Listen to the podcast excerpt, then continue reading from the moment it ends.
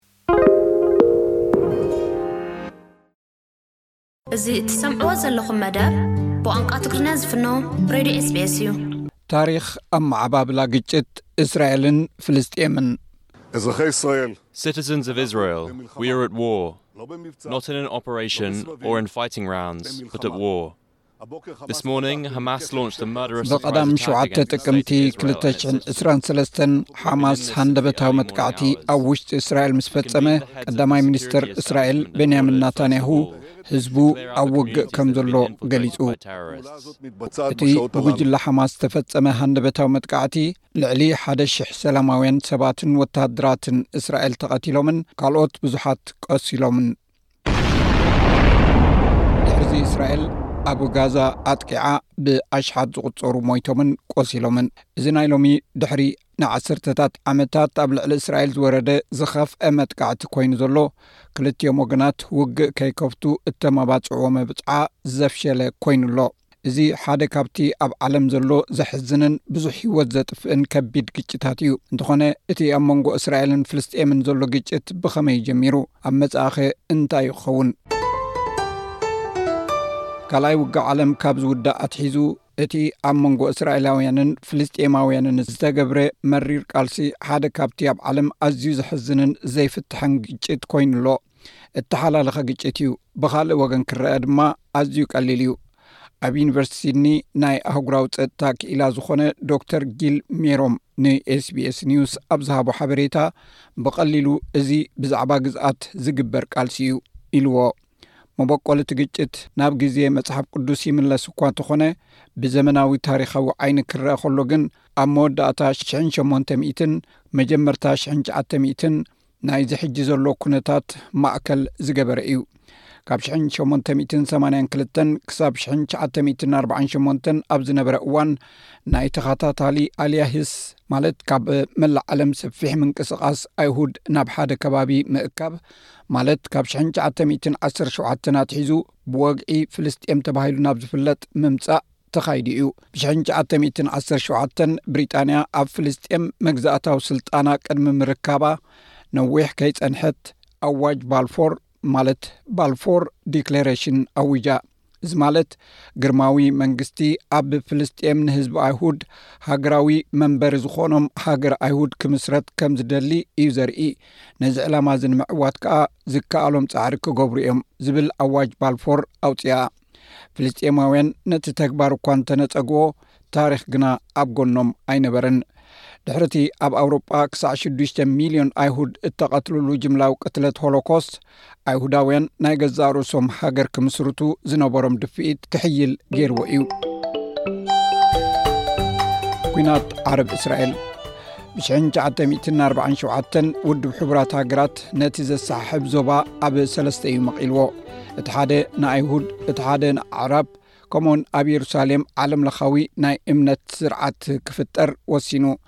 ኣዕራብ ውድብ ሕቡራት ሃገራት መሬቶም ንኻልእ ክውፊ መሰል ከም ዘይብሉ ብምውሳን ነቲ ውሳኔ ኣይተቐበልዎን በዚ ድማ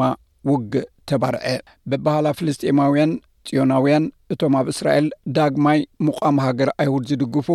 ንሰባት ካብ ኣባይቶም ከውፁ ኣገዲዱ በሃልቲ እዮም ብወገን እስራኤል ድማ ነቶም ህዝቢ ካብ ቤቶም ክወፁ ዘተባብዑ መራሕቲ ዓረብ ከም ዝነበሩን ገለ ዓራብ ብወለንትኦም ከም ዝወፁን እዮም ዝሕብሩ እቲ ብ948 ኣብ ሃገራት ዓረብ ዝተወልዐ ደማዊ ውግእ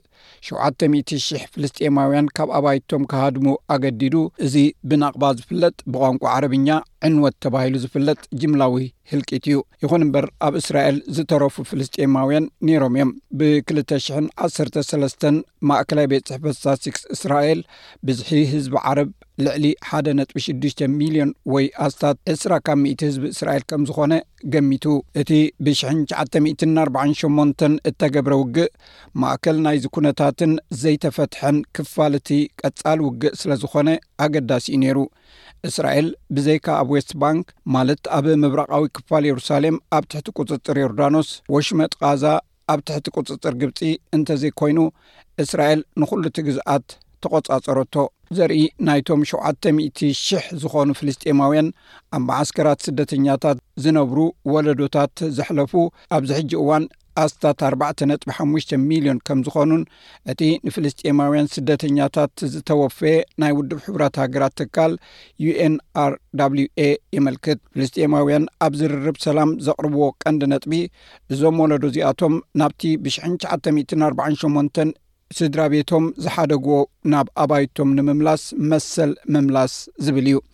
ብ1967 እስራኤል ንሓይልታት ግብጺ፣ ሶርያን ዮርዳኖስን ስዒራ ንሽዱሽተ መዓልቲ ኣብ ዝተገብረ ውግእ፣ እስራኤል ንምዕራብ ባንክን ምብራቕ የሩሳሌምን ካብ ዮርዳኖስ ከም ዝውሰዳ ዝገበረ ካልእ ዓብዪ ውግእ እውን ተኻይዱ እዩ። ካብቲ ግዜ እቲ ኣትሒዙ ድማ ነዚ ግዝኣታት እዚ ትቋጻጸሮ ኣላ። እቲ ግዝኣት ብውድብ ሕቡራት ሃገራት ናይ ፍልስጤማውያን ከም ዝኾነ እዩ ዝፍለጥ። ሓያሎ ካልኦት ሃገራት እውን ዝተጎብጠ መሬት ምዃኑ እየን ዝፈልጥኦ። እስራኤል ግና ከም ዘሰሓሕብ ግዝኣት ጌራ እያ እትሪኦ። እቲ ጉዳይ ብዘተ ሰላም ክፍታሕ ከኣ ትደሊ። ንምንታይ ግን ሰላም ክርከብ ዘይተኻለ? ድሕሪ እቲ ንዓመታት ዝቐጸለ ሓያል ግጭት ክልቲኦም ወገናት ኣብ 993 ኣብ ዝገበርዎ ርክብ ፍልስጥኤማውያን ንህላወ እስራኤል ኣፍልጦ ከም ዝህቡን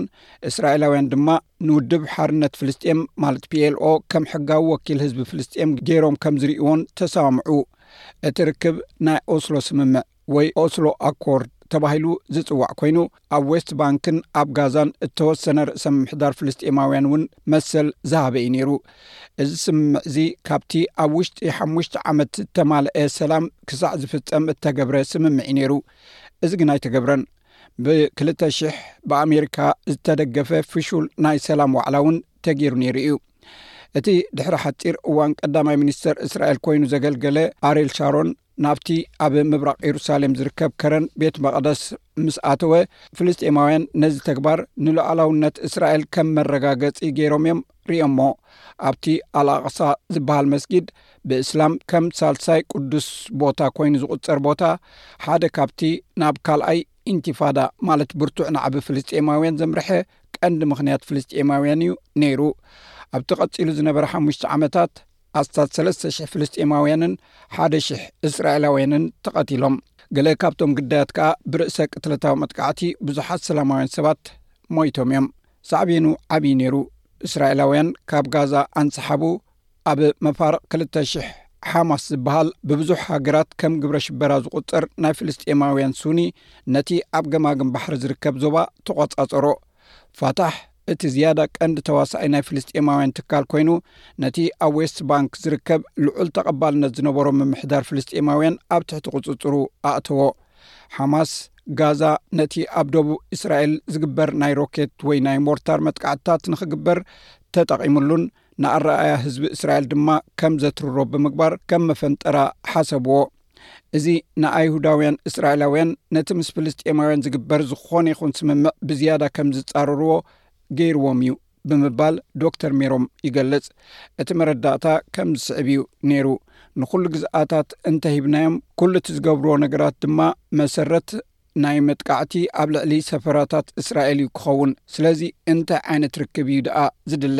በዚ ምኽንያት እዚ ጋዛ ኣብ ትሕቲ ወተሃደራዊ መዕገቲ እስራኤል ኣተወት። እዚ ነቶም ኣስታት ክልተ ሚልዮን ዝኾኑ ተቐማጦኣ ዝኸውን መግቢ፣ ማይን ጸዓትን ብመጠን ክሽረፍ ተገብረ። መነባብሮ እዞም ፍልስጤማውያን ኣብ ዓለም እቲ ዝዓበየ ክፉት ቤት ማእሰርቲ ከም ዝኾነ እዩ ዝግለጽ እስራኤል ኣብ መፋርቕ 980ታት ኒኩሌሳዊ ሓይሊ ኮነት ብሓገዝ ኣሜሪካ ኸኣ ኣብ ዓለም ሓደ ካብቲ ኣዝዩ ዘይድፈር መከላኸሊ ሓይሊ ሃነጸት ኣብ ዩኒቨርሲቲ ኣርዞና ካብ ዝርከብ ቤት ትምህርቲ ማእከላይ ምብራቕን መጽናዕትታት ሰሜን ኣፍሪቃን ተሓጋጋዚት ፕሮፌሰር መሃናሳር እቲ ግጭት ንምፍትሑ ኣዝዩ ኣጸጋሚ ኮይኑ ካብ ዘሎ ቀንዲ ምኽንያታት እቲ ብኣሜሪካ ዝግበር ደገፍ ንእስራኤል ከም ዝኾነ ትማጎት። ንሳ ንኤስቢኤስ ኒውስ ኣብ ዝሃበቶ ሓበሬታ እቲ ዝሓየለ ሰልፊ ማለት ሕቡራት መንግስታት ኣሜሪካ ብቐጻሊ ምስ እስራኤል ኣብ ልዕሊ ፍልስጤማውያን ወጊና እያ። ንፍልስጤማውያን ከኣ ነቲ መሰረታዊ መሰል ርእሰ ውሳኔኦም ክገድፉ ጸቕጢ ገይራትሎም እያ ትብል። እዚ ብብዙሕ መገድታት ብፍላይ ከኣ ንፍልስጤማውያን ኣብ ልዕሊ ዶባታን ማያን ምክልኻል ወይ ብዝሒ ህዝቢ ናይ ሓቂ ቁጽጽር ዘይብሉ ሃገር ኣልቦ ከም ዝኸውን እዩ ገይርዎም። ፍልስጤማውያን ክቡርን ልዑላዊ ግዝኣት ክህልዎም እማመ ቀሪብሎም ኣይፈልጥን እዩ። ብዛዕባ ፍታሕ ክልተ ሃገርከ ወይ ቱ ስቴት ሶሉሽን?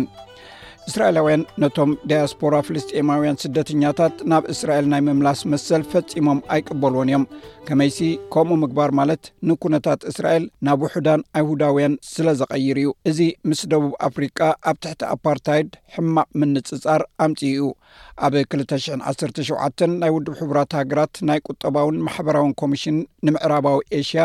ሕሉፍ ሓሊፉ እውን ናይ ቀደም ናይ እስራኤል ፖለቲከኛታት ኣብ ዘቕርቦ ጸብጻብ ተንጸባሪቑ እዩ እስራኤላውያን ነቲ ኣብቲ ጸብጻብ ተጠቒሱ ዘሎ ምንጽጻር ምስ ኣፓርታይድ ነቒፎሞ እዮም ኢማኑኤል ናህሾን ኣፈኛ ሚኒስትሪ ጉዳያት ወፃኢ እስራኤል ነቲ ጸብጻብ ምስ ታብሎይድ ናዚ ኣመሳሲልዎ ኣሎ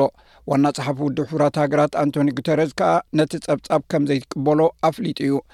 ብሓፈሽኡ እቲ ንነዊሕ እዋን ዝቐጸለ ነባሪ ፍታሕ ክልተ መንግስቲ ጥራይ ከም ዝኾነ ጌርካ እዩ ዝዝረብ። እንተኾነ ግን ብዙሕ ዕንቅፋታት ኣጋጢሞ እዩ።